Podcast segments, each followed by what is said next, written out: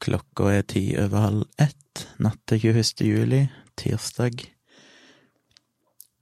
I dag har jeg eh, stort sett bare jobba.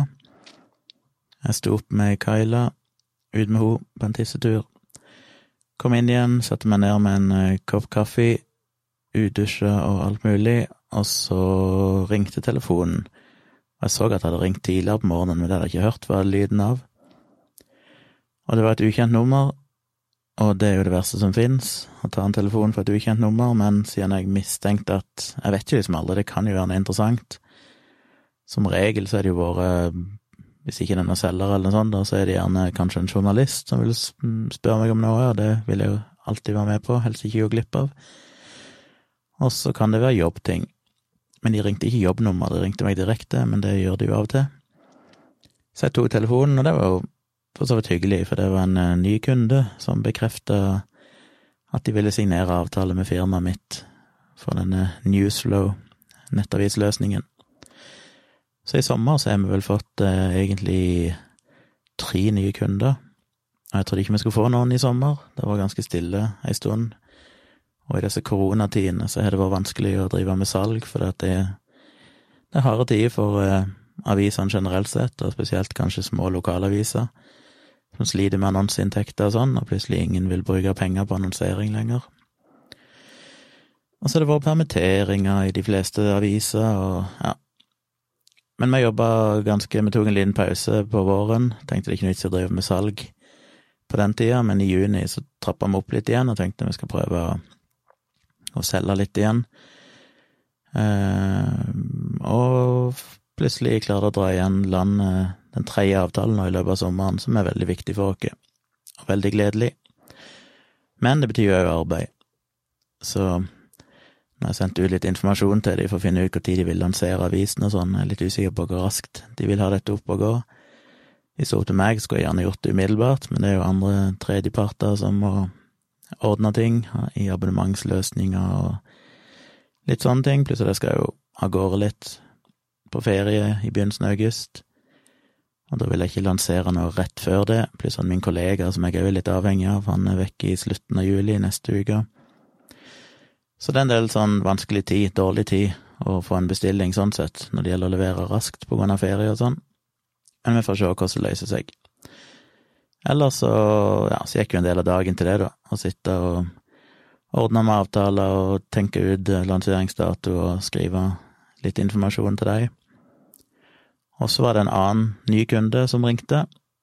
Han skulle bare stille et kjapt spørsmål, og det endte jo opp med en tre timers telefonsamtale, for hver gang han egentlig hadde fått svar på det han ville, så var det sånn ja, ja, forresten, eh, kan du bare se på det og det, så han er jo helt ny og bruker det systemet, så det er ting han lurer på hva som er mulig, og hvordan han skal gjøre ting og sånn. Um, og det tar tid, og det er så stress. Jeg hater sånn, sitte så lenge i telefonen og prate med noen og og han er jo en litt sånn fyr som har enorme ambisjoner om alt mulig rart. Og vi får se hva det blir til. Um, så det har tatt mye av dagen. Og etter det så begynte jeg å jobbe litt med andre ting. En av tingene som skjedde når vi var på Tonstad her i slutten av juni, eh, da kjørte vi jo der med leiebil fra bilkollektivet, og så klarte min eh, far å rygge sin lille elektriske Jeg vet ikke hva du kaller det. Det er nesten som en sånn overbygd moped med trehjul. Sånn enmanns elektrisk liten minibil som han kjører rundt i. Fordi han eh, fikk ikke lov å ha førerkort lenger, han er 80 år gammel, og har hatt eh, noen sånn drypp eh, som Ja, altså noen sånne blødninger i hjernen, bitte små, eh, som ikke er noen annen konsekvens enn at han kan bli litt svimmel av og til og slite litt med sidesynet men han er helt oppegående og frisk og rask i hjernen og sånn. Men eh, på grunn av det med sidesyn og sånn, da, så fikk han ikke lov å kjøre bil lenger. Så han måtte kjøre en sånn liten mepp-mepp som kjører i ikke så veldig mange kilometer i timen. Jeg tror han syns det er flaut når han kjører bortover, folk går forbi han raskere enn det han kan kjøre. Men den skulle han rygge ut av garasjen, og jeg hadde jo parkert eh, ganske nærme garasjeåpningen, og så klarte han å gjøre en feil, så han rygga jo rett inn i bilen og det ble noen riber i den ene bakdøra, som jeg måtte da melde inn som en skade. Og så er det gått litt tid, ikke hørt noe, men plutselig her for noen dager siden så sendte de meg på mail en sånn skademelding og sa jeg måtte fylle ut den. Uh, og i den sammenheng så tenkte jeg åh, hvordan skal jeg fylle ut det? Det var bare en PDF, og det var en PDF uten sånne skjemafelter, så det var bare å inn som et bilde, egentlig. Så det går jo selvfølgelig an å skrive inn teksten og sånn i et bildebehandlingsprogram eller i preview på Mac-en, men det er tungvint, for det er sinnssykt mange felter. Jeg liker at det ser litt bra ut, det skal liksom være litt samme størrelse på fonten, og det skal være plassert likt og sånn, men det er ikke så lett å få til i de programmene. Så vurderte jeg om jeg skulle kjøpe et program, det finnes jo programmer du kan kjøpe som basically gjør det for deg, som analyserer PDF-en og finner ut hvor alle feltene er, og så gjør han det sånn at du kan skrive inn i alle feltene og krysse av i alle checkboxer og sånne ting. Men det koster jo en del penger, og det er ikke noe jeg trenger særlig ofte. Så slo det meg plutselig at eh, egentlig så trenger jeg en printer. Og på det kontoret jeg har hatt, da har jeg hatt en sånn fellesprinter jeg har printa ut med en del andre bedrifter som holder til i samme bygget. Men etter jeg flytta hjem på hjemmekontor, så har jeg jo ikke noen printer her, bortsett fra min eh, berømte etikettskriver, men den duger jo ikke til annet enn å printe etiketter. Så jeg begynte først å se på en eh, laserskriver, men så begynte jeg å tenke at jeg har jo egentlig alltid hatt en liten drøm om å ha en sånn fotoskriver til å printe ut bildene mine, men tenkte vel ikke egentlig at jeg kom til å gjøre det litt, for jeg visste ikke om jeg hadde plass til det og sånn. Men så har jeg ommøblert litt her inne på kontoret, den store stolen, store grå lenestolen jeg har sittet i på mange av videoene mine, den flytta vi ut i stua, for vi trengte den når vi hadde foreldrene mine på besøk. Og så liker jeg egentlig å ha den der ute, for vi trenger egentlig litt ekstra sitteplass. Så nå har jeg plutselig fått litt god plass her inne på kontoret mitt. Og da begynte jeg å tenke kanskje jeg skal bare ha en printer her. Og jeg har jo veldig lyst til å kunne printe mine egne bilder, fordi det er fryktelig dyrt uh, å drive og lang ventetid og sånn, hvis jeg skal drive og bestille hver gang jeg skal teste ut etter mine egne bilder. Én ting jeg skal bestille ferdig innramma og proft og sånn til å selge, men jeg skal bare drive og teste og printe til eget bruk og sånn, og, og lære meg mer om papir og blekk og sånne ting, så er det jo kjekt å kunne printe.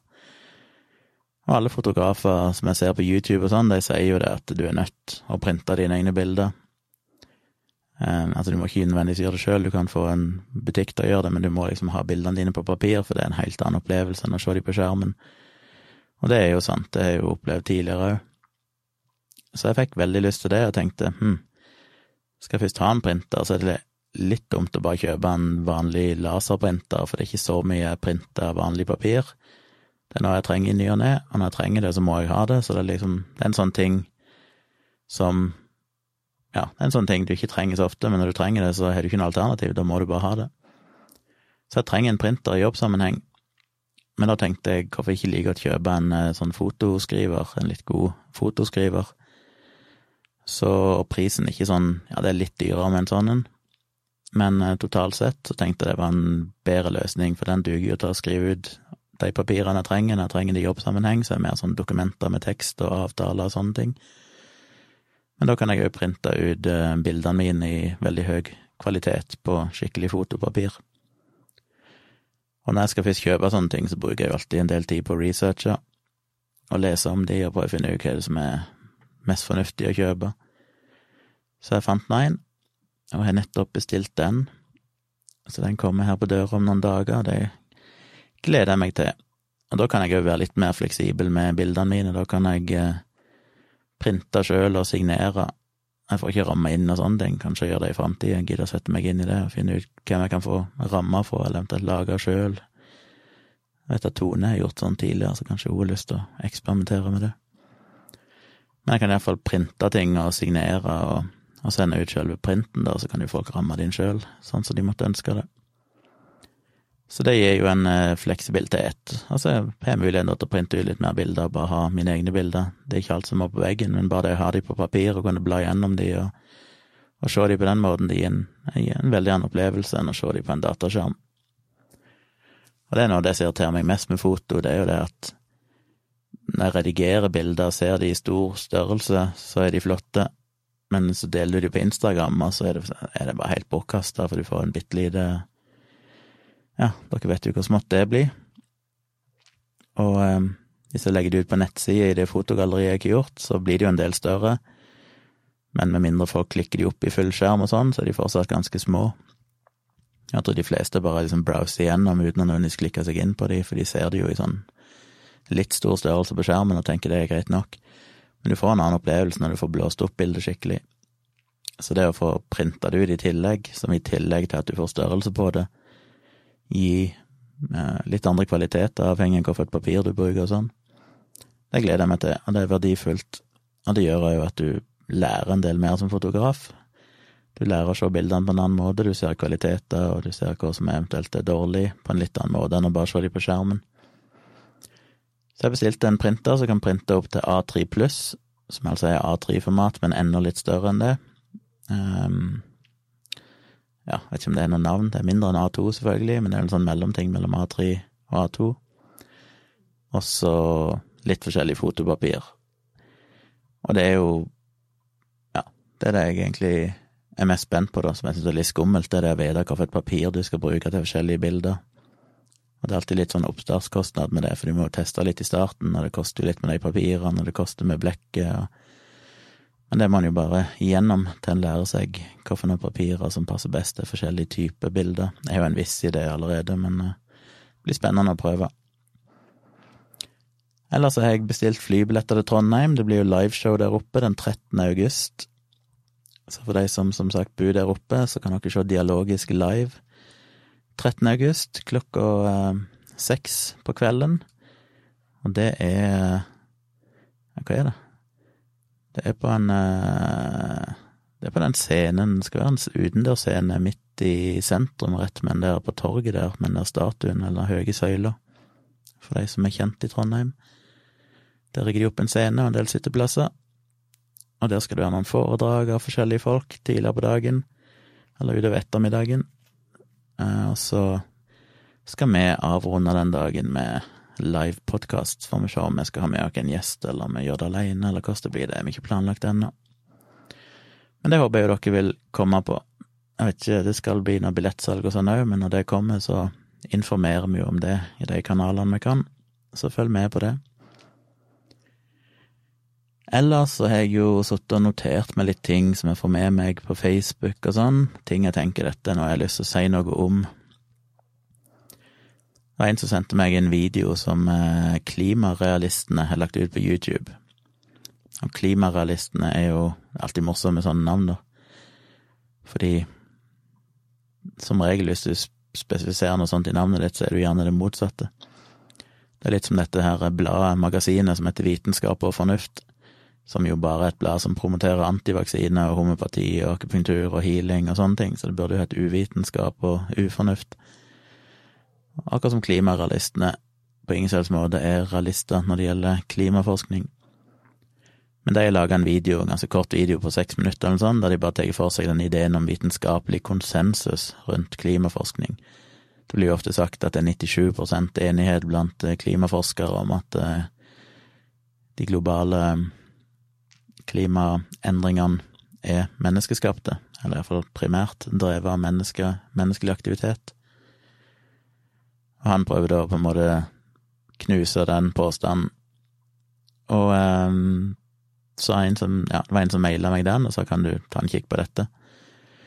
Og det frister jo litt, for den er jo relativt lett å, å gjennomgå og ta for seg og vise at eh, det er ikke så enkelt som han vil ha det til.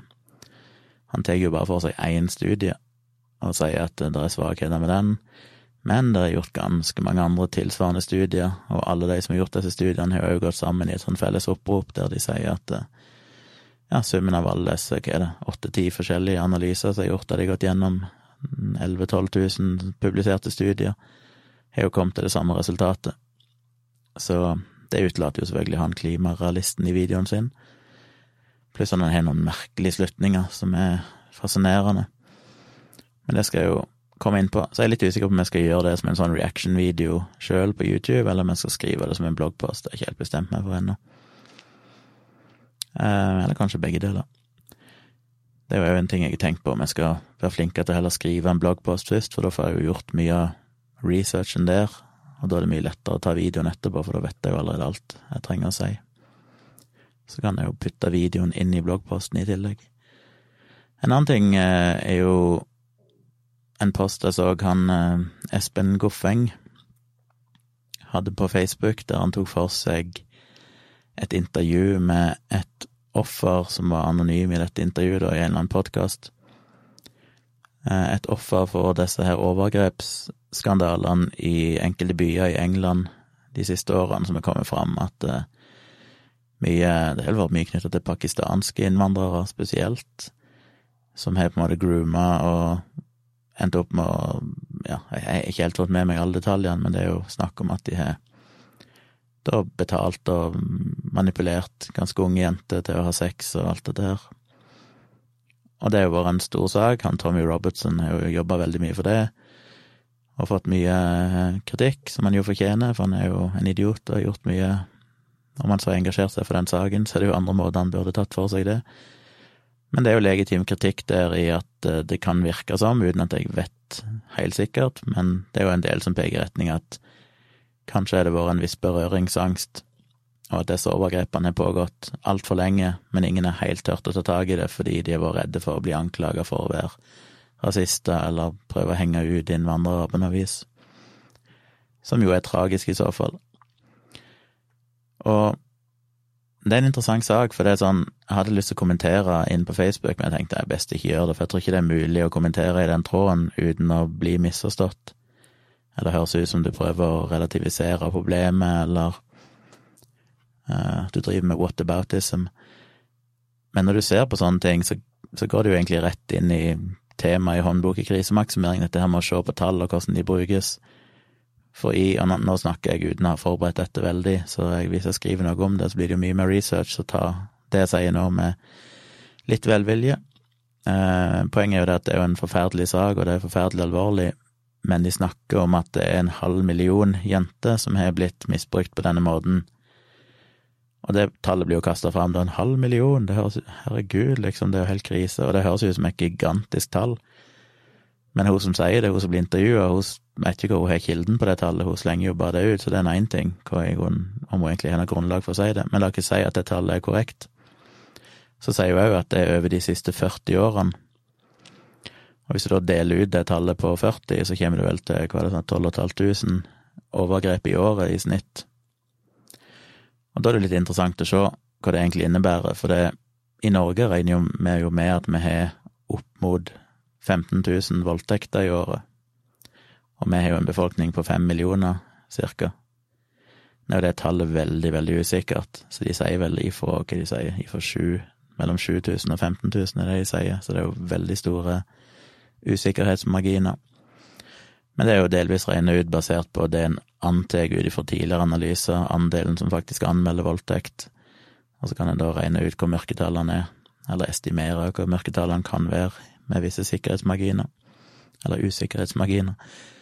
Um, og hvis det er 15 000 voldtekter, og så er jo en prosentandel av det, og det er det jeg må finne ut av, jeg har jo sett de tallene, jeg husker det ikke, jeg må jo se på hvor mange av de gjelder da mindreårige, det gjelder jo ikke alle de overgrepene i eh, England heller, i Rotherham og disse byene som blir trukket fram, gjelder jo ikke bare mindreårige. Så det er jo interessant hva det som ligger inni de 500 000. Men England har jo en befolkning på 67 millioner, nesten. Og det er snakk om 12 500 i året. I Norge estimerer vi jo rundt 15 000 voldtekter i året, der en viss del av de da er mindreårige. Så da er det jo litt interessant å se, er det et tall, selv om det høres dramatisk ut, er det så utenfor normalen, i den grad en kan og bør snakke om en normal, som jo er ille i seg sjøl når det gjelder det temaet.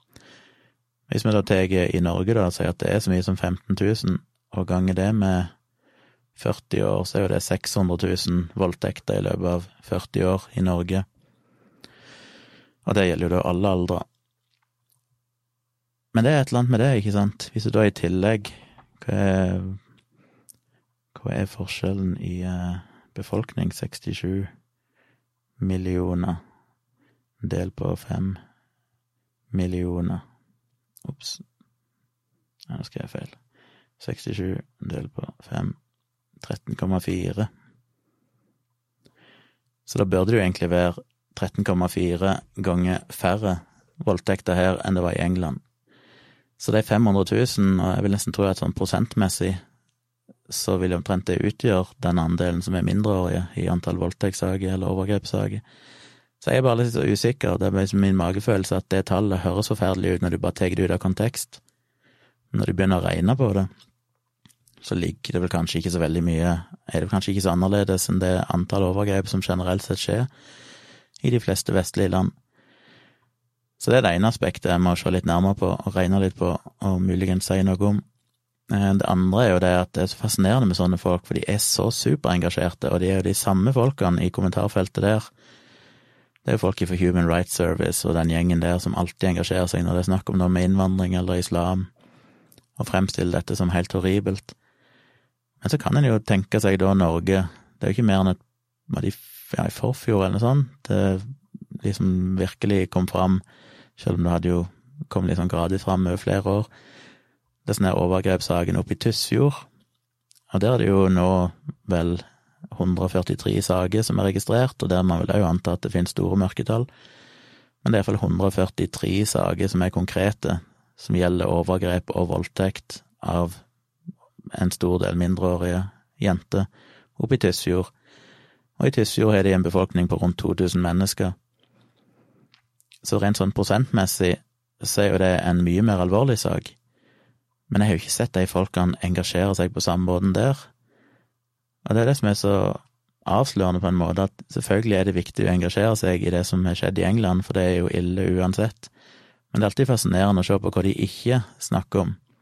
For de er veldig, veldig opptatt av hvor grusomt det er, og selvfølgelig da prøve å trekke det i retning at dette handler om kultur, og det handler om ja, eh, hvordan disse menneskene er i kraft av hvem de er, enten det er deres religion eller landet de kommer ifra.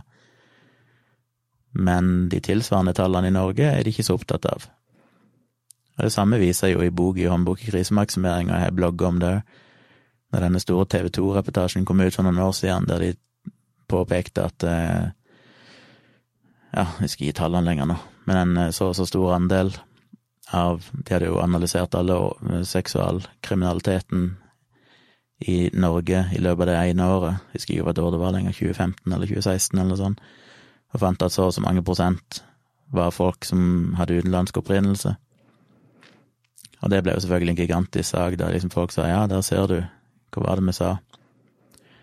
Men igjen så er det jo hvordan du regner på dette, for det er de ja, det var jo så mange feil med den saken, jeg har jo blogga om det, ikke om jeg skal, burde snakke om det igjen, men jeg kan bare trekke fram noen poenger. ene poenget er dette her med å se på eksempel voldtektssaker i Oslo, eller kriminalsaker som går for tingretten i Oslo, er veldig, veldig misvisende, fordi Oslo er jo et senter for halvannen million mennesker som reiser inn til Oslo i helgene, og veldig mye av den kriminaliteten som skjer, er jo ikke bare folk som faktisk er bostedsadresse i Oslo. Så du kan ikke ta antallet saker og dele på antall innbyggere, for det er veldig mange av de, selv om saken blir ført for Oslo tingrett, hører hjemme andre plasser, og det kan òg være bare turister og gjennomreisende og folk som eh, arbeidsinnvandrere og folk som er her kortvarig. Men i tillegg så var det jo interessant å se hvordan det ble vinkla så imot innvandring, når du så på de fire kommunene som kommer etter Oslo i antall innvandrere, altså andel innvandrere av befolkningen. Eh, nå husker jeg ikke hvilke kommuner det var, men det står i boka og i bloggen min. Men i alle de fire kommunene så var det jo null innvandrere som hadde stått bak overgrepene som var anmeldt. Bortsett fra i én kommune, der var jo alle overgrepene gjennomført av innvandrere, men det var altså én sak, og det var en tysker, som ikke helt passer inn i det bildet de vil ha, selvfølgelig. Så det var det ene poenget, at det var liksom påfallende at du kan trekke fram Oslo og fremstille det ved å manipulere statistikken på den måten ved ikke ta hensyn til hvem som faktisk bor her, men bare tar ja, alle sakene. Eh, men ignorere de fire kommunene med nest flest innvandrere i Norge, der det faktisk ikke var noen ikke-vestlige innvandrere som sto bak sakene. Det ble jo totalt ignorert. En annen ting er jo dette med tall, ikke sant, som jeg har snakka om mange ganger, for eksempel at hvis du tok eh, antall overgrep i Finnmark, så fikk du en mye større overrepresentasjon av finnmarkinger i, i overgrepsstatistikken enn du gjør av innvandrere i Norge. Og hvis du gikk på bare Øst-Finnmark spesifikt, så fikk du en enorm overrepresentasjon av østfinnmarkinger som har begått seksuelle overgrep. Så det kommer jo helt an på hvilken gruppe du velger ut, og hvordan du velger å, å regne på det. Eh, og som jeg påpeker i boka, problemet er jo at når du tar små grupper, så får du så store usikkerhetsmarginer. I Norge ser vi jo for eksempel at hvis én serieforbryter gjennomfører fem voldtekter, overfallsvoldtekter, og det er en somalier, for eksempel, så vil jo somaliere få en enorm overrepresentasjon i voldtekt, selv om det kanskje bare er én person som har gjort flere angrep. Og det er derfor det blir så vanskelig når det er så små grupper, for når vi snakker om små grupper, så skal det bare bitte små avvik til enkeltpersoner som gjør et eller annet, som kan da blåse opp tallene for hele gruppa. Jeg brukte jo det eksempelet i boken min og i bloggen, dette her med hvis eh, noen ifra der jeg kommer, ifra Sirdal, hadde drept noen, så ville jo Sirdøla vært, hva var det, 200 ganger eller sånn overrepresentert på drapsstatistikken, fordi én person har gjort et drap, sammenlignet med resten av befolkningen. Men det sier jo absolutt ingenting om Tonstad-folk. Det sier jo ikke noe om at Tonstad-folk er farligere eller har større sjanse for å drepe folk fordi at én person har gjort noe, men når du har ei lita gruppe, så vil jo sånne små tall slå veldig kraftig ut på overrepresentasjon.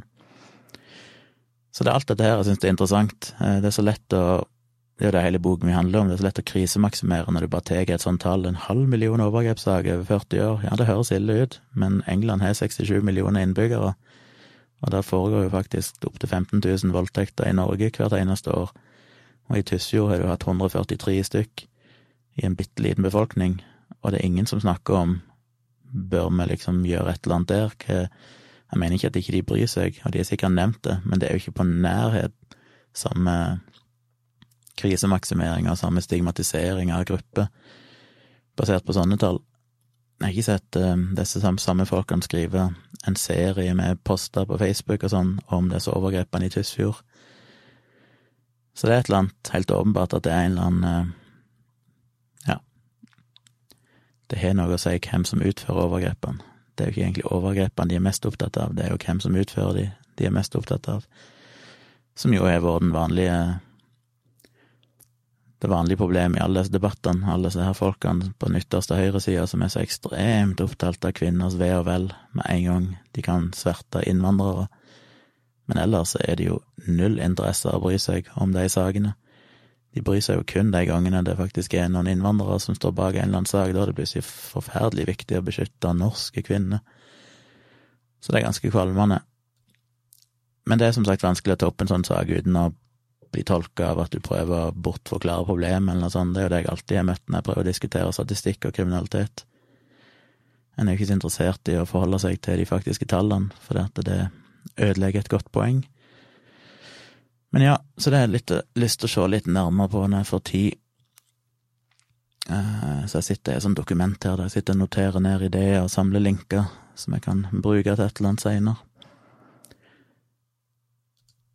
Så det var vel det spennende som har skjedd i mitt hode og i mitt liv i dag. Jeg eh, hadde en plan i dag om å stå opp, og så skulle jeg få sendt av gårde Maja. Det glemte jeg å si, at hun reiste jo hjem i dag, så jeg måtte jo følge henne til flybussen og få sendt henne av gårde. Hun er jo så utrolig flink og selvstendig, så jeg sender henne jo bare med bussen, og så reiser hun til flyplassen og fikser alt. Og har gjort det mange ganger, så det er hun vant med. Og så gikk jeg på posten og sendte noen bøker til folk som er patrons og folk som er bestilt. Så det var godt å få det ut av verden. Så hvis noen av dere hører på som venter på bøker, så er de på vei nå. Burde være hos dere om et par dager. Eh, og så har jeg som sagt gjort alt det andre med jobb og printer og altså dilder. Så har meg og Tone sett nyeste episode av eh, I'll Be Gone In The Dark, som jo er dritbra, på HBO, som handler om denne voldtektsforbryteren og morderen i USA som er en veldig trist historie for hun som jobber med den saken, som denne serien egentlig er basert på, og de har jo en egen podkast og alt mulig. Hun er kona til han eh, Oswald Patten, skuespilleren. Hun døde jo plutselig, rett før de faktisk avslørte hvem det var. Det var en fyr som herja på 70- og 80-tallet.